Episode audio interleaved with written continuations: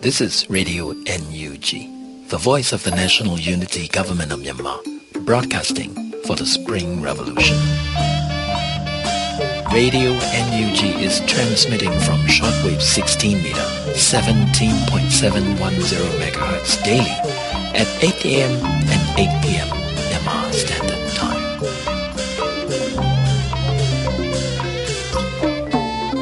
မင်္ဂလာပါခင်ဗျာအမျိုးသားညီညွတ်ရေးအစိုးရရဲ့အသံလွှင့်ဌာနက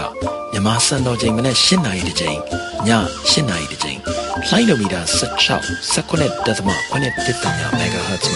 နေ့စဉ်အသံလွှင့်ပေးနေပါပြီမြန်မာနိုင်ငံသူနိုင်ငံသားများမင်္ဂလာအပေါင်းနဲ့ပြည့်စုံကြပါစေခုချိန်ကစပြီး Radio NUG အစီအစဉ်လေးကို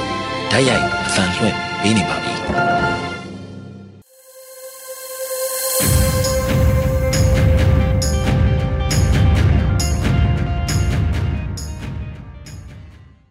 ကာကွယ်ဝင်ကြီးဌာနအမျိုးသားညီညွတ်ရေးအစိုးရကထုတ်ဝေတဲ့စစ်ရေးသတင်းအကျဉ်းချုပ်သတင်းအနှစ်ချုပ်ယနေ့၈ရက်6လ2021မှာကချင်ပြည်နယ်ရှမ်းပြည်နယ်စကိုင်းတိုင်းနဲ့မန္တလေးတိုင်းတို့မှာတရားသောခုခံတော်လှန်စစ်ပွဲ၄ခုဖြစ်ပွားခဲ့ပါတယ်။အာဏာသိမ်းစစ်ကောင်စီဘက်က16ဦးသေဆုံးပြီး9ဦးပြင်းထန်ထိခိုက်ဒဏ်ရာရရှိခဲ့ပါတယ်။ပြည်သူ့ရင်ခွင်ခိုလုံခြင်းကြောင့်ကာကွယ်ဝင်ကြီးဌာနကိုလာရောက်ဆက်သွယ်မှုများကိုလည်းလက်ခံရရှိထားပါတယ်။ မြေပြင်သတင်းတာဝန်ခံများနဲ့သတင်းဌာနများကဖော်ပြလာတဲ့အချက်အလက်များပေါ်အခြေခံပြုစုထားခြင်းဖြစ်ပါတယ်။စစ်ကောင်စီနဲ့တိုက်ပွဲဖြစ်ပွားမှုကချင်ပြည်နယ်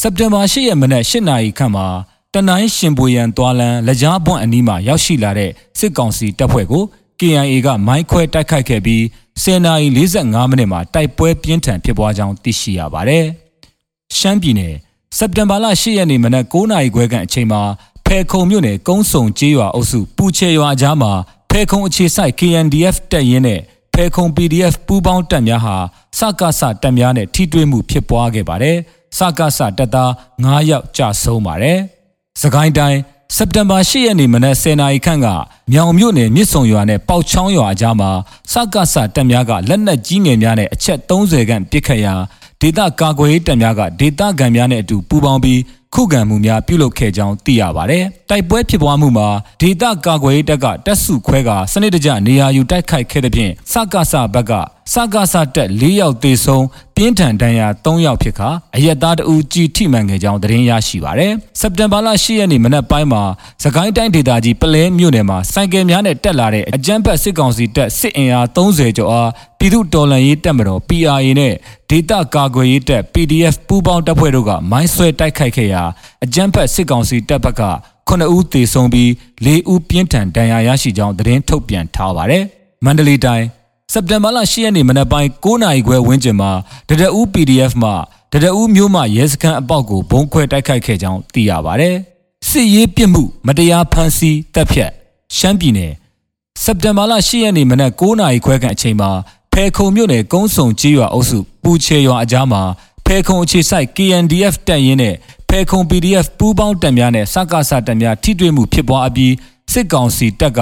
စိုင်ကယ်စီးလာတဲ့အရက်သား2ဦးကိုအကြောင်းမဲ့ပစ်ခတ်တပ်ဖြတ်ခဲ့ပါတယ်။ကရားပြည်နယ်စက်တင်ဘာလ10ရက်နေ့မှာကရင်ပြည်နယ်ဒီမော့ဆိုမြို့နယ်စံပြ6မိုင်ကျေးရွာအတွင်းပြည်သူလူထုနေအိမ်များကိုအကြမ်းဖက်စစ်ကောင်စီကအကြောင်းမဲ့မီးရှို့နေကြောင်းသိရပါတယ်။စံပြ6မိုင်နဲ့ဒေါ်ပိုးစီကျေးရွာများမှာအကြမ်းဖက်စစ်ကောင်စီတပ်များအင်အား300ခန့်တက်ဖြန့်ထားတယ်လို့လည်းသိရပါတယ်။ စကိုင်းတိုင်းစက်တင်ဘာလ10ရက်နေ့မနက်ပိုင်းကစကိုင်းတိုင်းကလေးမြို့နယ်တင်သားရွာကိုအကြမ်းဖက်စစ်တပ်ကမီးရှို့ဖျက်ဆီးခဲ့ပါတယ်။ရှားဖို့ကျေးရွာကိုလည်းဝင်ရောက်စီးနင်းခဲ့ပါသေးတယ်။တင်သားကျေးရွာမှာအကြမ်းဖက်စစ်တပ်ကတက်ဆွဲထားတာကြောင့်အနီးပတ်ဝန်းကျင်ကကျေးရွာပေါင်း14ရွာကဒေသခံများထွက်ပြေးတိမ်းရှောင်နေရပြီးကလေးဒေတာမှာစုစုပေါင်းစစ်ဘေးရှောင်4000 5000ကြားရှိလာပြီဟုသိရပါတယ်။အထွေတွေ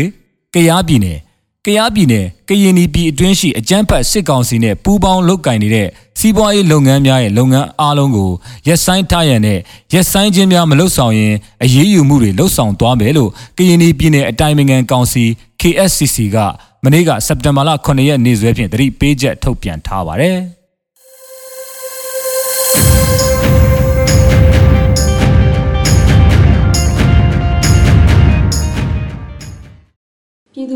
အားလုံးပဲမင်္ဂလာပါရှင်။ယောဂဗျာတွေဆေးရဲမွန်းချက်မှုတွေစတဲ့စစ်အာဏာရှင်ရဲ့စနစ်ဆိုးရဲ့ခါးသီးတဲ့လောကဓာတ်တွေကို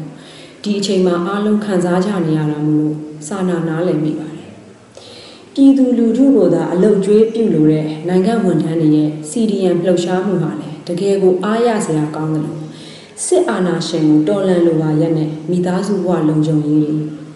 စစ်အာဏာရှင်လက်အောက်မှာမနေခြင်းပဲနေနေရဆဲဖြစ်တဲ့တပ်မတော်သားတွေရဲတပ်ဖွဲ့ဝင်တွေကိုလည်းစာနာနားလည်မိပါတယ်။အမြန်ဆုံးရုံထွက်နိုင်မယ်လို့လည်းယုံကြည်ပါတယ်။ပြည်သူရင်ခွင်ကနေလည်းအမြဲကြိုဆိုလျက်ရှိပါတယ်။အခုချိန်မှာတော့တနိုင်ငံလုံးလှဲနေလှဲအောင်မြင်းစားမကြံစစ်အာဏာရှင်ကိုတော်လှန်မဲ့ပြည်သူတော်လှန်ရေးနေစတင်ပြီလို့ကျမတို့ရဲ့ပြည်ထောင်စုသမ္မတမြန်မာနိုင်ငံတော်အမျိုးသားညီညွတ်ရေးအစိုးရနိုင်ငံတော်ယာယီသမ္မတကြီးကလည်း 2021ခုနှစ်စက်တင်ဘာလ9ရက်နေ့မှာနိုင်ငံတော်အရေးကြီးမိန့်ခွန်းမှာထည့်သွင်းပြောကြားသွားခဲ့ပြီးဖြစ်ပါတယ်။တော်လန်စစ်ရဲ့အရှုံးအနိုင်ကိုပြည်သူလူထုကသာအဆုံးဖြတ်ပေးနိုင်မှာဖြစ်ပါတယ်။တော်လန်စစ်မှာတော်လန်ရေးအတွေးအခေါ်နဲ့ယုံကြည်ချက်ခိုင်မာပြတ်သားသူ10ယောက်ဟာတော်လန်ရေးကိုပုပ်ပလိကအခွင့်အလမ်းခံစားချက်တွေနဲ့လှုပ်ဆောင်သူအယောက်တစ်ထောင်ထက်ပိုပြီးတန်ဖိုးရှိပါတယ်။ တော်လန်ရေးအောင်မြင်မှုအတွက်အတွေးအခေါ်နဲ့ယုံကြည်ချက်ခိုင်မာမှုပြည်သူလူထုကိုစီးရုံးနိုင်မှုနဲ့နိုင်ငံရေးအားကောင်းခိုင်မာမှုတို့အပေါ်မှာမူတည်တာဖြစ်တဲ့အတွက်ကြောင့်လို့အတွေးအခေါ်နဲ့ယုံကြည်ချက်ခိုင်မာတဲ့တော်လှန်ရေးအင်အားစုတွေပြည်သူလူထုရဲ့အင်တိုက်အားတိုက်ပါဝင်မှုတွေအမျိုးသားညီညွတ်ရေးအစိုးရရဲ့ရင်းချက်ပြည့်စုံတဲ့နိုင်ငံရေးအင်အားတွေဟာလူထုတော်လှန်ရေးကြီးမလွဲမသွေအောင်မြင်မှုတေချာလှပါတယ်။ အဲ့ဒီလိုလူထုတော်လှန်ရေးကာလပြိပခချာမှာပြည်သူတွေအန္တရာယ်ကင်းစေဖို့မျိုးသားညီညွတ်ရေးအစိုးရလူသားချင်းစာနာထောက်ထားရေးနဲ့ဘေးအန္တရာယ်ဆိုင်ရာစီမံခန့်ခွဲရေးဝန်ကြီးဌာနအနေနဲ့ပြိပခများကြိုတင်ပြင်ဆင်ရမယ့်အချက်တွေကိုထုတ်ပြန်ခဲ့တာတွေကိုကျမအနေနဲ့ပြန်လည်တင်ပြပေးမှာဖြစ်ပါတယ်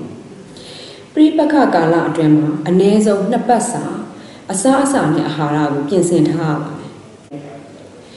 လမ်းပန်းဆက်သွယ်ရေးတွေပြတ်တောက်သွားတဲ့အခါကုန်စည်စည်းစိမ်မှုတွေလည်းရပ်တန့်သွားမှာဖြစ်ပါတယ်။အဲ့ဒါကြောင့်မလို့စံစီစာကြက်သွန်နီစတဲ့အချောက်အချမ်းတွေစီသွတ်ဘူးတွေခောက်ဆွဲကြောင်မုံကြောက်တွေကိုနှစ်ပတ်စာစုဆောင်းမှုဖြစ်ပါတယ်။နောက်တစ်ခုအနေနဲ့ကျန်းမာရေးအတွက်အရေးပေါ်ဆေးဝါးတွေလည်းစုဆောင်းထားရမှာဖြစ်ပါတယ်။ပရိပခကာလအတွင်းမှာကျန်းမာရေးဝန်ထမ်းအခက်အခဲဆေးဝါးအခက်အခဲတွေရှိနေမှာဖြစ်တဲ့အတွက်ဖျားနာကြိုက်ခဲပျောက်ဆေးတွေမိမိကျန်းမာရေးအခြေအနေက အမြဲဆောင်ထားတဲ့ဆေးတွေကိုကြိုတင်စုဆောင်းဖို့လိုအပ်ပါတယ်။ဝင်းပြက်ဝမ်းလျှောယောဂလိုမျိုးရေချောင်းဖြစ်တတ်တဲ့ယောဂတွေကိုကာကွယ်နိုင်ဖို့တောက်သုံးရည်ဓာတ်စားနဲ့ရေတန့်ဆေးတွေလည်းစုဆောင်းဖို့လိုအပ်မှာဖြစ်ပါတယ်။ထီးကိုက်ရွယ်အုပ်စုတွေဖြစ်တဲ့ကလေးသူငယ်တွေကိုဝင်ဆောင်တွေတက်ကြီးရွယ်အိုတွေမတန်ဆွမ်းတွေသူတို့တွေအတွက်လည်းဖြည့်ဆွတ်စာနဲ့ဆေးဝါးတွေလည်းစုဆောင်းထားဖို့လိုအပ်ပါတယ်ရှင်။ အခုကျမဆွေးနွေးသွားတဲ့အချက်တွေကိုပြည်သူလူထုအားလုံးလိုက်နာလိမ့်မယ်လို့ယုံကြည်ပါတယ်။ပြည်သူလူထုအားလုံးကြမ်းကြမ်းမာမာနဲ့ဘေးအန္တရာယ်ကင်းဝေးကြပါစေ။အရေးတော်ပုံတကယ်အောင်မြင်ရမှာပါ။မြန်မာနိုင်ငံသူနိုင်ငံသားများတဘာဝပေးစစ်အာဏာရှင်ဘေးတို့ကနေကင်းဝေးပြီးကိုစိတ်နှပါကျမ်းမာလုံးယုံကြပါစေလို့ Radio NUG အဖွဲ့သားများကဆုတောင်းမေတ္တာပို့သလိုက်ရပါတယ်။အခုချိန်ကစပြီး Radio NUG ရဲ့သတင်းများကိုတင်ဆက်ပေးတော့မှာဖြစ်ပါတယ်။ ကျွန်တော်ຫນွေဦးလွင်ပါ။အခုပထမဆုံးအနေနဲ့အမျိုးသားညီညွတ်ရေးအစိုးရကာကွယ်ရေးဝန်ကြီးဌာနကစက်တဘာ9ရက်နေ့အတွက်စစ်ရေးသတင်းအကျဉ်းချုပ်ထုတ်ပြန်ခဲ့တဲ့သတင်းကိုတင်ဆက်ပေးကြပါမယ်။စစ်အာဏာရှင်တိုက်ဖြတ်ရေးပြည်သူလူထုရဲ့ခုခံတော်လှန်စစ်စတင်ကြောင်းကြေညာခဲ့တဲ့စက်တင်ဘာလ9ရက်မှာတိုင်းဒေသကြီးနဲ့ပြည်နယ်တွေမှာစစ်ကောင်စီတပ်နဲ့သူနဲ့ဆက်ဆက်တဲ့ပြစ်မှတ်တွေကိုတိုက်ခိုက်ခဲ့တာရှိသလိုစစ်သားနဲ့ရဲတပ်ဖွဲ့ဝင်တွေကလည်းပြည်သူနဲ့အတူပူးပေါင်းလာတာတွေရှိခဲ့ပါတယ်။ အမျိုးသားညီညွတ်ရေးအစိုးရကာကွယ်ရေးဝန်ကြီးဌာနကစက်တဘာလ9ရက်စီရေးသတင်းအကျဉ်းချုပ်ထုတ်ပြန်ရမှာတနင်္သာရီစကိုင်းမကွေးပဲခူးကယားချင်းမွန်ရှမ်းစတဲ့တိုင်းနယ်ပြည်နယ်တွေမှာတိုက်ပွဲတွေဖြစ်ခဲ့တယ်လို့ပောက်ကွဲမှုတွေလည်းဖြစ်ခဲ့လို့စစ်ကောင်စီတပ်ဖွဲ့ဝင်တွေတိစုံမှုတွေရှိခဲ့တာပါအဲ့ဒီဖြစ်စဉ်တွေကြောင့်စစ်ကောင်စီတပ်ဖွဲ့ဝင်22ဦးသေဆုံးပြီးဒဏ်ရာရသူတွေလည်းရှိခဲ့တယ်လို့ဆိုပါတယ်ဒါအပြင်တပ်မတော်သား16ဦးနဲ့ရဲတပ်ဖွဲ့ဝင်9ဦးဟာစစ်အာဏာရှင်လက်အောက်ကနေရုံထွက်လာပြီးပြည်သူနဲ့အတူရက်တီပူးပေါင်းလာတယ်လို့ဖော်ပြထားပါတယ်။ စက်တဘာ9ရက်နေ့မှာတနင်္သာရီတိုင်းပလောမြို့နယ်မှာကရင်အမျိုးသားစီယုံ KNU တပ်မဟာလေးနဲ့ဒေသခံပြည်သူ့ကာကွယ်ရေးတပ် PDF တို့ပူးပေါင်းပြီးစစ်ကောင်စီတပ်ကိုခုခံတိုက်ခတ်ခဲ့ရမှာတိုက်ပွဲ၄ကြိမ်ဖြစ်ပွားပြီးစစ်ကောင်စီတပ်ကအရာရှိအပါအဝင်၄ဦးသေဆုံးခဲ့တယ်လို့သိရပါတယ်ဒါဟာ KNU တပ်မဟာလေးနယ်မြေမှာတိုက်ပွဲစတင်ဖြစ်ပွားလာတာလည်းဖြစ်ပါတယ်။ဒါအပြင်စကိုင်းတိုင်းဟုံးလင်းမြို့နယ်မှာလည်းစစ်ကောင်စီတပ်စခန်းတစ်ခုကိုကချင်လက်နက်ကိုင်အဖွဲ့ KIA ကဝင်ရောက်တိုက်ခိုက်ခဲ့လို့တိုက်ပွဲတွေပြင်းထန်ခဲ့တယ်လို့ဆိုပါတယ်။ ရှမ်းပြည်နယ်မြောက်ပိုင်းမုံကိုဒေသမှာလည်းကိုကန့်လက်နက်ကိုင်အဖွဲ့ MNDAA နဲ့စစ်ကောင်စီတပ်တွေတိုက်ပွဲဆက်လက်ပြင်းထန်ခဲ့တယ်လို့ဆိုပါတယ်။ KNY ဒေသဖြစ်တဲ့လွိုင်ကော်နဲ့ဒီမော့ဆိုမြို့နယ်ကြားမှာမင်းညကတိုက်ပွဲနှစ်ကြိမ်ဖြစ်ပွားခဲ့လို့စစ်ကောင်စီတပ်ကအနည်းဆုံး၄ဦးသေဆုံးခဲ့တယ်လို့လည်း KNY မြို့သားကာကွယ်ရေးတပ်ဖွဲ့ကထုတ်ပြန်ထားပါတယ်။ဒီမော့ဆိုရဲစခန်းကိုလည်းကရင်နီလက်နက်ကင်တပ်ဖွဲ့တွေကတိုက်ခိုက်ခဲ့တယ်လို့ဆိုပါတယ်။တမတော်သားတွေနဲ့ရဲတပ်ဖွဲ့ဝင်တွေစစ်ကောင်စီတပ်ကရုံထွက်ပြီးပြည်သူနဲ့အတူပူးပေါင်းလာတဲ့ဖြစ်ရပ်တွေကတော့ တနင်္သာရီတိုင်းတဝဲစစ်ကောင်စီတပ်ကထွက်လာတဲ့23ဦးအနက်16ဦးဟာတော်လန်ရေးတပ်တွေစီမှာပူးပေါင်းနိုင်ခဲ့တယ်လို့ဆိုပါတယ်။အင်အား23ဦးရှိတဲ့အထက်က9ယောက်ကပူးပေါင်းပါဝင်လို့ခြင်းမရှိလို့အပြန်အလှန်ပစ်ခတ်မှုတွေဖြစ်ပြီး6ဦးသေတဦးဖမ်းမိခဲ့တာလို့လည်းသိရပါတယ်။ချင်းပြည်နယ်တွန်းဆန်းမြို့ရဲစခန်းကရဲတပ်သားကိန်ကမ်းမိန်အပါအဝင်ရဲတပ်ဖွဲ့ဝင်9ဦးဟာစစ်အာဏာရှင်စနစ်ဆိုးကိုတော်လှန်ဖို့အတွက်စက်တဘာ9ရက်နေ့မှာချင်းပြည်ကာကွယ်ရေးတပ်ဖွဲ့ CDF တန်ဒါရောက်ပူးပေါင်းခဲ့တယ်လို့ CDF ကထုတ်ပြန်ပါတယ်။ ဒါအပြင်ကလေးမျိုးနယ်တောင်ပိုင်းကကျေးရွာတွေကိုဝင်ရောက်မှွေနှောက်နေတဲ့စစ်ကောင်စီတပ်ကိုကလေး PDF ကမိုင်းနဲ့တိုက်ခိုက်ခဲ့တာကြောင့်စစ်ကောင်စီတပ်က၄ဦးသေဆုံးခဲ့တယ်လို့ PDF ကထုတ်ပြန်ထားပါတယ်။စက်တဘာ10ရက်နေ့မှာလည်းကင်းဒီဒေတာအချို့မှာတိုက်ပွဲတွေဆက်ဖြစ်ခဲ့သလို KIA ထိန်းချုပ်နယ်မြေကချင်ဒေသမှာစစ်ကောင်စီတပ်တွေစစ်ရေးလှုပ်ရှားတာတွေပြုလုပ်နေတယ်လို့သိရပါတယ်။ကာဝေးရေးဝန်ကြီးဌာနဟာမြေပြင်သတင်းတာဝန်ခံတွေနဲ့သတင်းဌာနတွေမှာဖော်ပြထားတဲ့အချက်လက်တွေပေါ်အခြေခံပြုစုပြီးအခုလိုစူးစီးထုတ်ပြန်ခဲ့တာလို့သိရပါတယ်။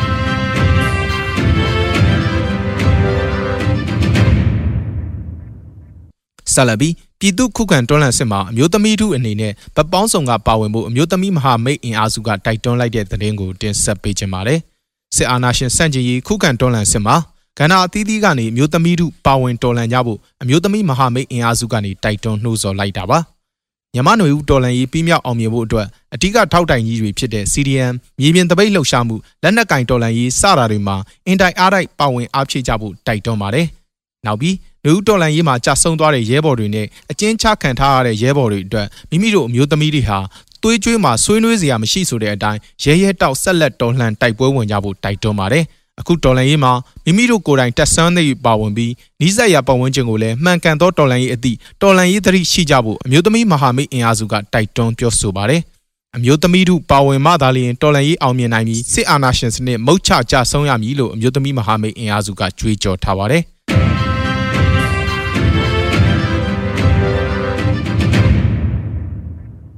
ဆက်လက်ပြီးကလေးမျိုးနယ်အတွင်းကကြေးရွာတရွာကိုအကြမ်းဖက်စစ်ကောင်စီတပ်တွေမိရှို့ဖျက်ဆီးခဲ့တဲ့တဲ့တင်ကိုတင်ဆက်ပေးကြပါမယ်။စကိုင်းတိုင်းကလေးမျိုးနယ်အတွင်းကတင်သားရွာကိုအကြမ်းဖက်စစ်တပ်က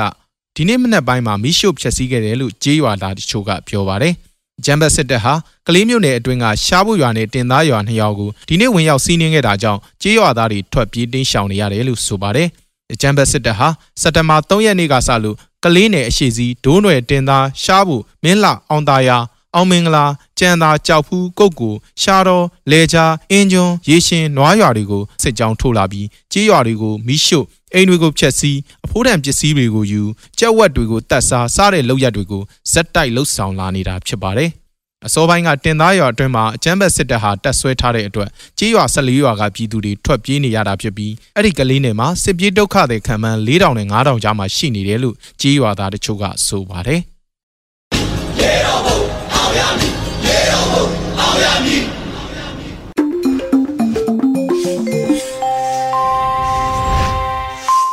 အခုအချိန်ကစပြီးတိုင်းရင်းသားညီနောင်အင်အားစုတွေပြည်သူ့ကာကွယ်တပ်မတော် PDF တပ်သားတွေနဲ့ပြည်သူလူထုတို့ရဲ့အရှိန်အဟုန်မြင့်လာတဲ့တိုက်ပွဲသတင်းတွေကိုစူးစီးတင်ဆက်ပေးသွားမှာဖြစ်ပါတယ်ကျွန်တော်ကျော်နေဦးပါ အခုပထမဆုံးတင်ဆက်ပေးမှာကတော့စစ်တီအင်အားတရာနဲ့ NUG တောင်ပိုင်းတိုင်းစစ်ဌာနချုပ်ကိုဝင်ရောက်ပူးပေါင်းတယ်လို့ TDF ကြေညာလိုက်တဲ့သတင်းဖြစ်ပါတယ်။တနင်္သာရီတိုင်းပြည်သူ့ကာကွယ်ရေးအဖွဲ့ TDF ဟာစစ်တီအင်အားတရာဦးနဲ့အမျိုးသားညီညွတ်ရေးအစိုးရကာကွယ်ရေးဝန်ကြီးဌာနတောင်ပိုင်းတိုင်းစစ်ဌာနချုပ်ကိုဒီနေ့ဝင်ရောက်ပူးပေါင်းလိုက်တယ်လို့ထုတ်ပြန်ပါတယ်။ TDF ဟာစစ်အာဏာရှင်စနစ်ကြာရှုံးရေးအတွက် NUG ရဲ့ကာကွယ်ရေးဆိုင်ရာမူဝါဒတွေနဲ့အညီလိုက်နာဆောင်ရွက်သွားမှာဖြစ်ပြီးအကြမ်းဖက်စစ်ကောင်စီကိုအစွမ်းကုန်တွန်းလှန်ချေမှုန်းသွားမယ်လို့ထပ်လောင်းအသိပေးထားပါတယ်။ဒါ့အပြင် TDF ရဲ့အရန်တက်တွေဟာလည်းတနင်္သာရီတိုင်းအတွင်းရှိပြည်သူ့ကာကွယ်ရေးအဖွဲ့တွေနဲ့ပူးပေါင်းဆောင်ရွက်သွားမယ်လို့ဆိုပါတယ်။စက်တင်ဘာလ9ရက်နေ့မှာຫນွေဦးတော်လန်ရေးစစ်စင်ရေးစတင်တဲ့နေ့ဒီဒေးအဖြစ် NUG ကစတင်ကြေညာလိုက်ခြင်းနဲ့အတူနိုင်ငံတော်ဝင်ရှိပြည်သူတွေအနေနဲ့စစ်ကောင်စီနဲ့ပူးပေါင်းဆောင်ရွက်ခြင်းမပြုဖို့ ဝန်ထမ်းတွေအနေနဲ့ရုံးလုပ်ငန်းတွေဆက်လက်မလုပ်ဆောင်ဖို့စစ်ကောင်စီခန့်အုပ်ချုပ်ရေးမှုတွေအမြန်နှုတ်ထွက်ကြဖို့တိုက်တွန်းထားပါတယ်။ရဲတွေတက်မတော်သားတွေအနေနဲ့လည်းပြည်သူရင်ဝင်ကိုအမြန်ဆုံးခိုလုံကြဖို့စီရေးကာလအတွင်းပြည်သူတွေအနေနဲ့ရိတ်ခါနဲ့စေဝါတွေစုဆောင်းကြဖို့လဲနှိုးဆော်ထားပါတယ်။အထက်ပါတိုက်တွန်းနှိုးဆော်ချက်တွေကိုလိုက်နာဆောင်ရွက်ခြင်းမရှိဘဲစစ်ကောင်စီရဲ့ရန်ရာတွေကိုထောက်ကူလဲပတ်စေနိုင်တဲ့ဝန်ထမ်းတွေအုပ်ချုပ်ရေးမှုတွေဒလန်တွေကို TDF ဟာအရန်တပ်ဖွဲ့တွေနဲ့ပြင်ပကနေအရေးယူဆောင်ရွက်သွားမယ်လို့သတိပေးကြေညာပါတယ်။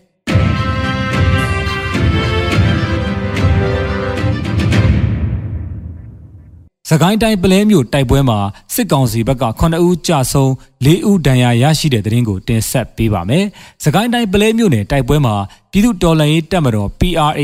တပ်ရင်း1တပ်ခွဲ1နဲ့တပ်ခွဲ17နဲ့ ဒေသခံ PDF တို့ပူးတွဲတိုက်ခိုက်ရာစစ်ကောင်စီဘက်က9ဦးကြာဆုံးပြီး4ဦးဒဏ်ရာပြင်းထန်ခဲ့တာပါ။စစ်ကောင်စီဘက်ကအင်အား30ကျော်စိုင်ကယ်တွေနဲ့ပလဲမြို့နယ်ကိုဝင်ရောက်လာခဲ့တာကြောင့်မိုင်းဆွဲပစ်ခတ်တိုက်ခိုက်ခဲ့ခြင်းဖြစ်တယ်လို့ဒေသခံတော်လှန်ရေးအဖွဲ့ကထုတ်ပြန်ပါတယ်စစ်ကောင်စီကအလောင်းတွေပြန်တည်ပြီးသွေးအိုင်တွေကိုတဲများအုပ်ခဲ့တယ်လို့သိရပါတယ်ပြည်သူတော်လှန်ရေးတပ်မတော် PRA နဲ့ဒေသခံ PDF အဖွဲ့တို့ဘက်ကအထီးခိုင်မရှိပြန်လည်ဆုတ်ခွာနိုင်ခဲ့ပါတယ်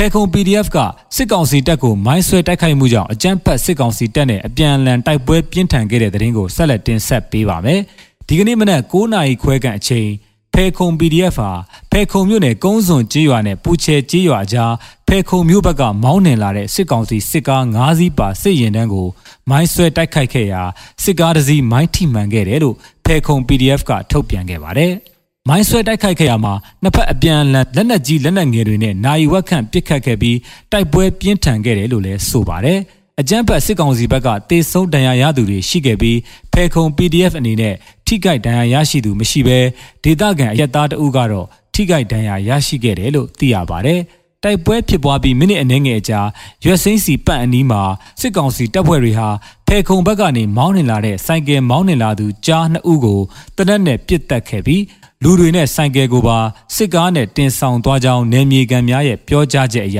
သိရပါတယ်ခင်ဗျာ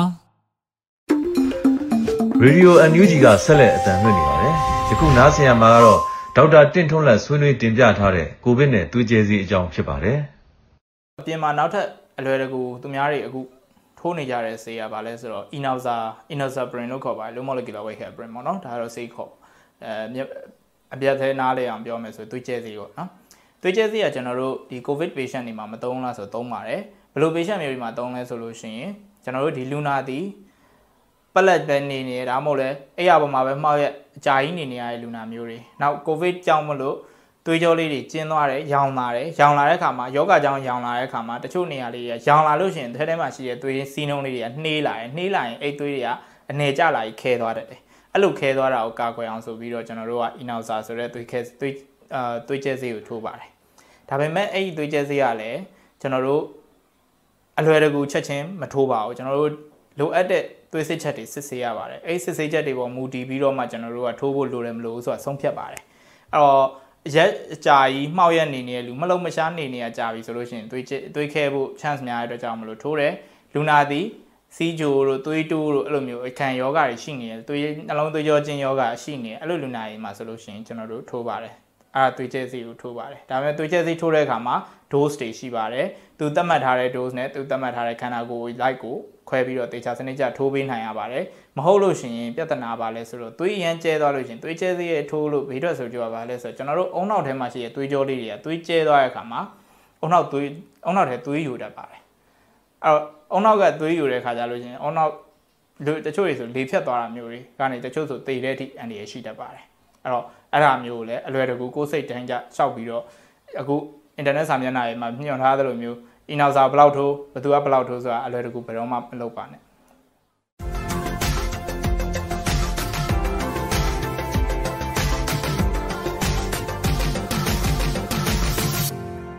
ဆက်လက်ပြီးကျူလီပောင်သတင်းစင်တွေကတက်ပြက်လူလူဖို့တက်ပုတယောစာကိုနားဆင်ရမှာဖြစ်ပါတယ်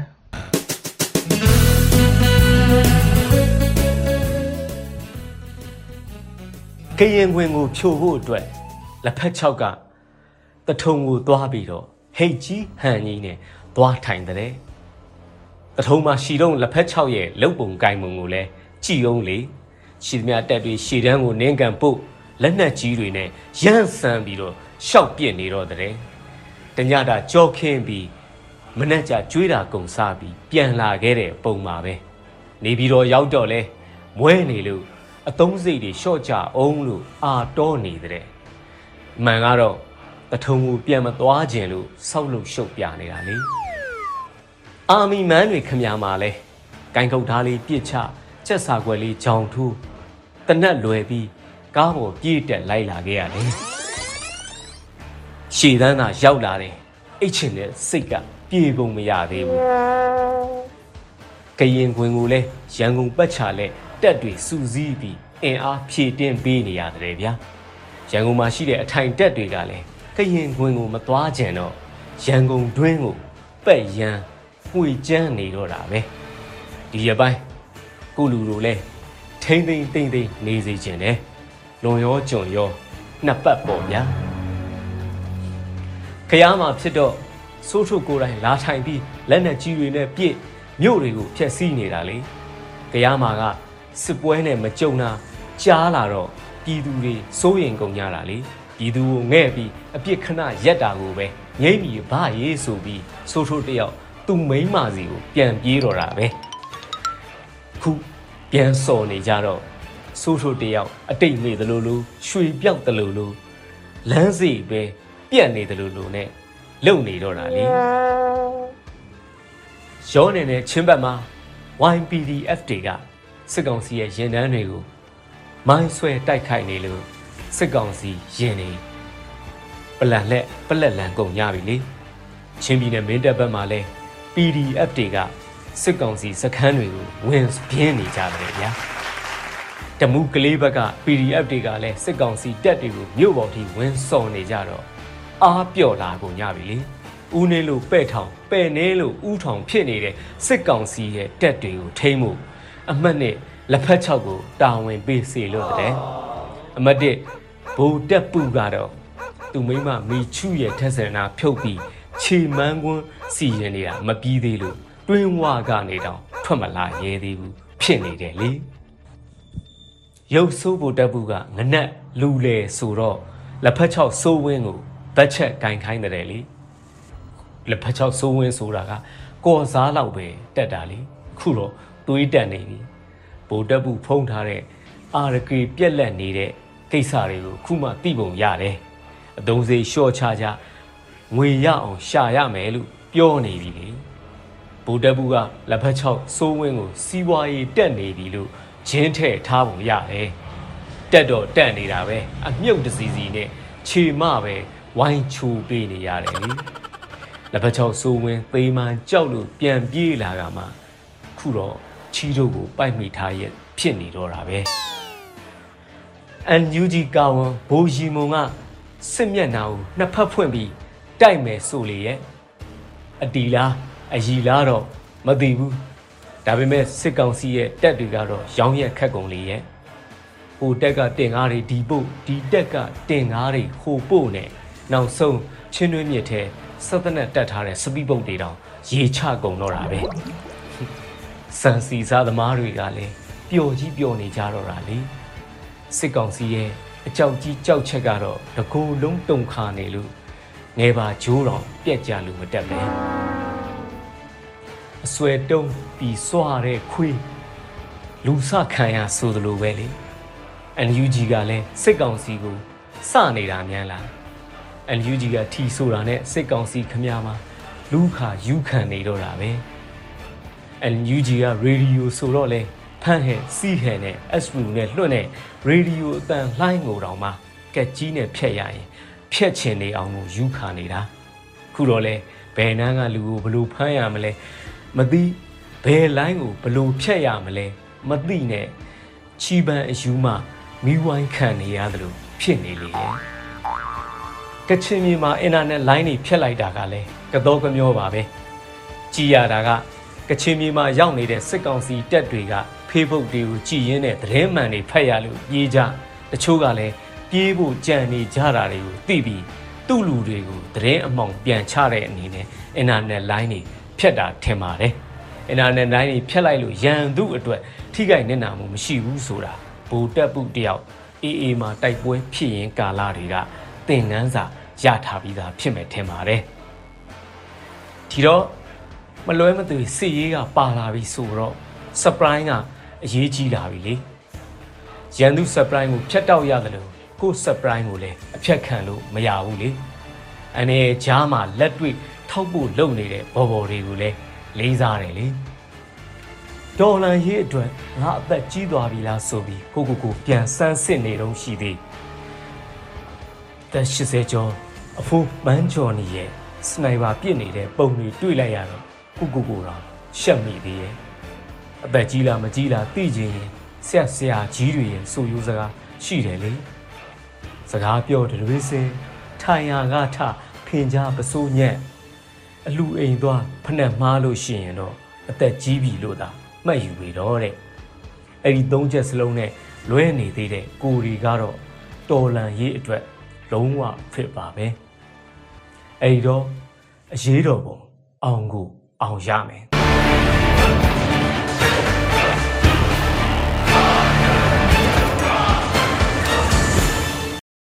မုံတိုင်းတေးသွားရဲ့ intro တချို့ကတော့ထင်ကောင်းထင်ကြလိမ့်မယ်ဒါတွေဟာလေကြီးတက်တက်ပါလို့တကယ်တမ်းကျတော့လေကြီးတက်တက်မဟုတ်ဘူးအဲ့ဒီလေအဝှေ့တွေကကြီးမားတဲ့မုံတိုင်းတေးသွားကြီးတစ်ခုရဲ့ intro တီးကွက်တွေဖြစ်တယ်ဒါကိုတချို့ကတော့မသိကြတာ တချို့ကြတော့လဲသိသိရဲနဲ့မသိချင်အောင်စောင်းနေကြတာရိုးရိုးလေးတွေးကြည့်ပါဖေဖော်ဝါရီလ၁ရက်နေ့မအားလာတို့အုပ်စုအာနာသိမ့်လိုက်တဲ့အချိန်မှာအာနာငန်းဖမ်းနေတဲ့လက်တဆုပ်စာလူတစုရဲ့အယိုးအရင်ကြိုက်နေရတဲ့အဘဘောမတချို့ရဲ့အတိညာအစင်တန်းနှိမ်ပါပြီးပေးတာယူကျွေးတာစားခိုင်းတာလုပ်တဲ့လူဒန်းစားတချို့ရဲ့နဲ့အမိတ်နာခံခြင်းအလေးအထကိုကျင့်ယူပေးထားတဲ့စစ်တပ်နဲ့ရဲဆိုတဲ့အဝန်းဝိုင်းတစ်ခုဒါတောင်အကုန်မဟုတ်ရဲကလွဲလို့ တနိုင်ငံလုံးမှာရှိကြတဲ့တန်ပေါင်းများစွာသောပြည်သူလူထုဟာအံ့ဩဝမ်းနည်းခြင်းကြီးစွာနဲ့အဲ့ဒီလုပ်ရက်ကိုစန့်ကျင်ခဲ့ကြတယ်ပထမအံ့ဩတယ်ဒီလိုခေတ်မှာဒီလောက်ယူမိုက်လိမ့်မယ်လို့မထင်ထားကြဘူး။နောက်ခံပြင်းကြတယ်။ပညာမတတ်အဆင့်တန်းမရှိလူစင်တော်မှမီတဲ့အာနာယူတယောက်နဲ့အပေါင်းပါမိစ္ဆာတွေကပြည်သူတွေလူငယ်တွေပညာတတ်တွေကိုထင်တယ်လို့ရန်ကားရက်ဆက်ညှဉ်းပန်းတပ်ဖြတ်နေတာတွေဟာခံပြင်းဒေါသထွက်เสียရပဲ။ နောက်ဝမ်းနဲ့နာကျင်ရတယ်။ဟုတ်တယ်။တီတီငိမ့်ငိမ့်ငိမ့်ငိမ့်ချမ်းချမ်းနဲ့တိုင်းပြည်ကိုပြန်တိဆောက်ကြဖို့စ조사နေကြခြင်းကိုဗစ်ရောဂါဆိုးကြီးကိုတက်ညီလက်ညီနဲ့တွန်းလှန်နေကြခြင်းအထူးသဖြင့်လူငယ်တွေတလက်လက်တောက်နေတဲ့စိတ်ကူးအိမ်မက်တွေနဲ့ကဘာနဲ့ရင်မောင်တန်းမှုအားမွေးနေကြခြင်းဒီလိုအချိန်မှမှလက်နက်ပြအနိုင်ကျင့်တဲ့တော်ရိုင်းဥပဒေသားကပြန်ပြီးကြီးစိုးရလေခြင်းဆိုပြီးရင်နာရတယ်နောက်တော့အဲ့ဒီအံ့ဩမှုခံပြင်းမှု ဝမ်းနဲ့နာကျင်ရမှုတွေဟာစိတ်ပိုင်းဖြတ်မှုတွေအဖြစ်အသွင်ပြောင်းပြီးအဲ့ဒီအချိန်ကစလို့ပြည်သူလူထုတယောက်ချင်းစီတိုင်းဟာဆုံးဖြတ်ပြီးခဲ့ကြပါပြီ။စစ်အာဏာရှင်စနစ်ကိုမြမအမြေကနေအမြင့်ဖြတ်ကြမယ်။ဖက်စစ်စစ်တပ်အမြင့်ဖြတ်ဆိုတဲ့ကြွေးကြော်တံဟာကြွေးကြော်တံတတ်တတ်မဟုတ်တော့ပဲပြည်သူလူထုတရက်လုံးရဲ့စိတ်ပိုင်းဖြတ်မှုဖြစ်နေပါပြီ။ခမားတို့ကို NUG ကတိုက်မှာမဟုတ်ဘူး။ PDF ကတိုက်မှာမဟုတ်ဘူး။